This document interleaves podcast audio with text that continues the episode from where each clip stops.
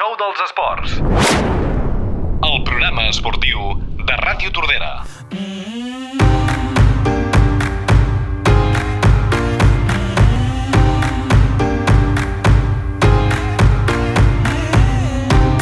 You can't cut me loose until you show me. Benvingudes i benvinguts en aquest primer capítol des de Ràdio Tordera en col·laboració amb la protagonista amb la que ens guiarà en aquest nou món de nutrició. Estrenem, com dèiem, aquest podcast d'aquesta emissora que, vaja, el títol ja ho diu tot, d'on traiem l'energia vital.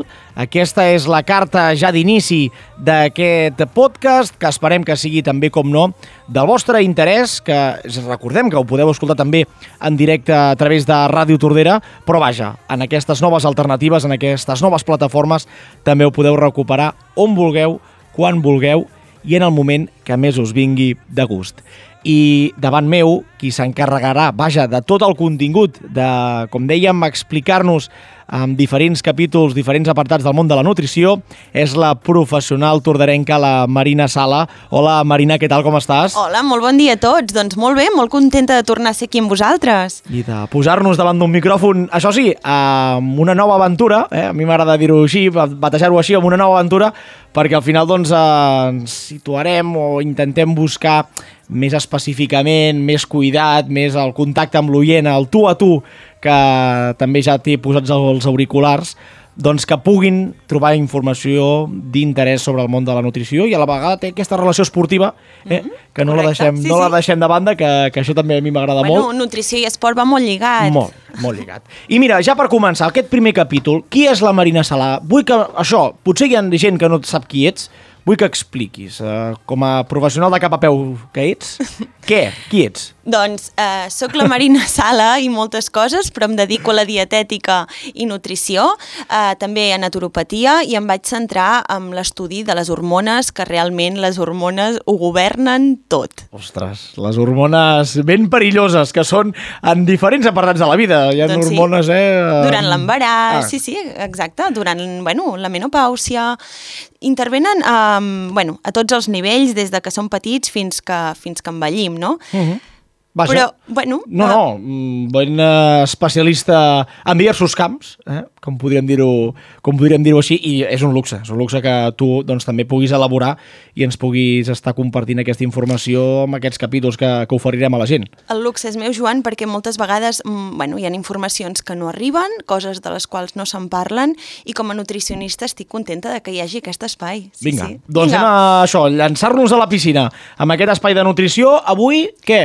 Començarem parlant de les famoses quilocalories. Uh Mhm. -huh. Vinga, doncs, què són això de les quilocalories? Joan, ho faré de manera, eh, o sigui, una explicació amb un exemple molt pràctic i en forma de pregunta també. Si tu i jo mengem la mateixa part del pollastre, la digerirem igual? Vaja, jo, vull, jo vaja, penso que no, perquè al final cadascú és com és, no? i al final eh, ho elaboraran o tindrem el procés que hagin de tocar. Correcte. Per aquest motiu, no eh, el cos no hi entén de quilocalories, sinó de la combustió que es crea i genera en forma de forn crematori. I d'aquí depèn que digerim millor o pitjor. Eh, hem de partir de la base que tot allò que mengem no ho assolirem si no tenim un sistema digestiu tònic. Per dur a terme una bona absorció dels nutrients d'allò que mengem, hi ha d'haver-hi una bona digestió. I aquí intervenen una sèrie de factors. Uns molt, molt importants són aquestes enzimes digestives. Aquestes, en forma de pluja enzimàtica, eh, comencen a segregar-se ja a la boca. Quan introduïm un aliment a la boca, eh, hem d'entendre que la digestió no començarà en el nostre estómac, sinó ja eh, quan fem aquest... Eh, bueno, aquest procés mecànic de mastegar, segreguem ja una, una sèrie d'enzimes digestives a la boca que fan aquesta predigestió del nostre bol alimentari. La gent es pensa eh, que la digestió comença ja a través dels intestins i comença a partir de l'estómac, vaja, però no, eh, ja comencem, no desmentint, perquè al final és informació bàsica, però que ja comencem a fer aquest procés des de que ens posem els aliments a la boca i comencem a mastegar. Inclús hi ha estudis que valen un xic abans. Oh. És a dir, ja quan estem cuinant, sentim aquests olors, um, també ja comença. Ens preparem, eh? Exacte. Ens preparem que hi haurà tiberi. I, I com que hi haurà tiberi, eh, el cos també es prepara per rebre'l, no? Doncs sí, sí, Oh, sí. Molt bé, molt bé. Llavors, també no només hem de tenir en compte què ens posarem a la boca, sinó en quines condicions ho rebrem. Mm -hmm. És a dir, la, pos- la, la posició corporal a l'hora de menjar també és molt important i incideix directament amb la nostra digestió. Si tu tens una postura recta, mm -hmm. doncs hi haurà millor entrada d'aquests aliments a l'estómac. Si tu tens una postura corbada, com moltes persones que mengen al sofà amb una tauleta d'aquestes més baixes, doncs no facilitarà l'entrada a l'estómac i probablement després tindràs gasos, mala digestió o una sensació de digestió lenta i pesada. Per tant, aquells que es pensin que per la comoditat de posar-se a la tauleta davant de la televisió a fer els àpats, sobretot del sopar, perquè al final és quan més arriba el moment del dia que ja estàs amb menys energia, que això ho treguin, que intentin de, de treure aquest costum, eh?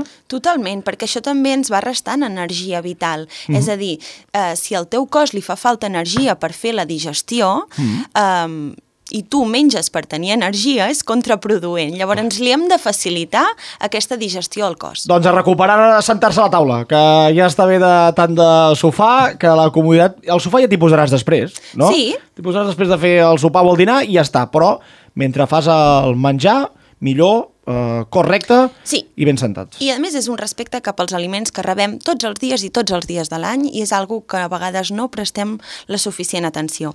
Què més intervé en aquesta digestió?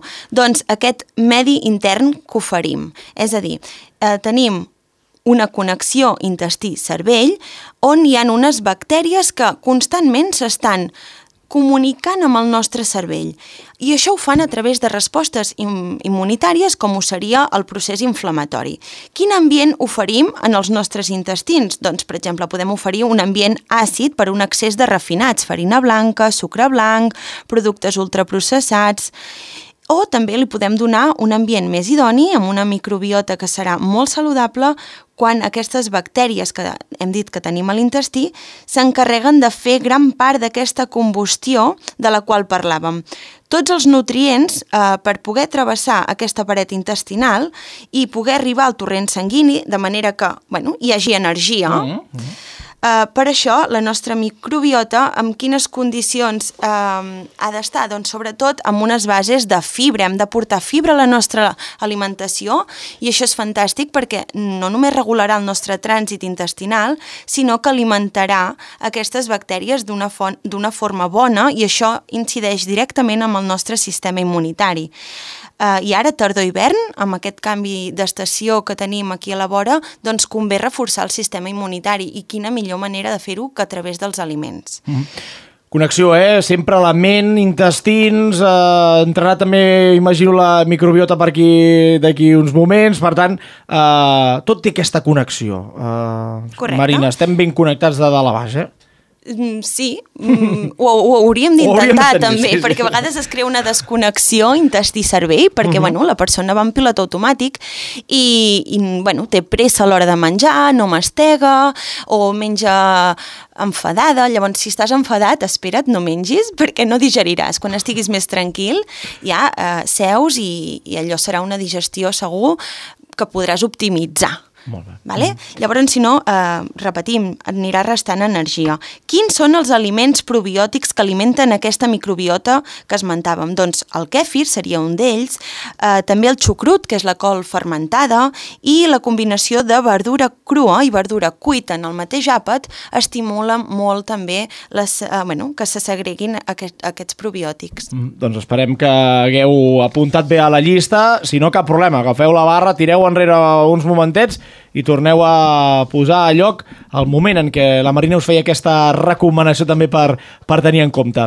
Uh, per acabar, Marina, alguna cosa més? L'últim un consell sobre les quilocalories? Doncs mireu l'importància de no tenim tant en compte les quilocalories, sinó de tenir en compte les propietats dels aliments, uh -huh. val? i tenir en compte també com podem optimitzar la nostra digestió, tinguent en compte, -huh. repeteixo, tot aquest medi eh, intestinal, l'ambient dels nostres intestins, que ja us dic, incideix directament en el sistema immunitari.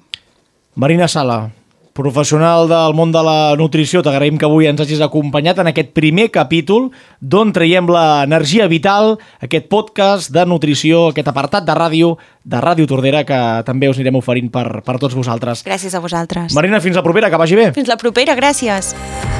Say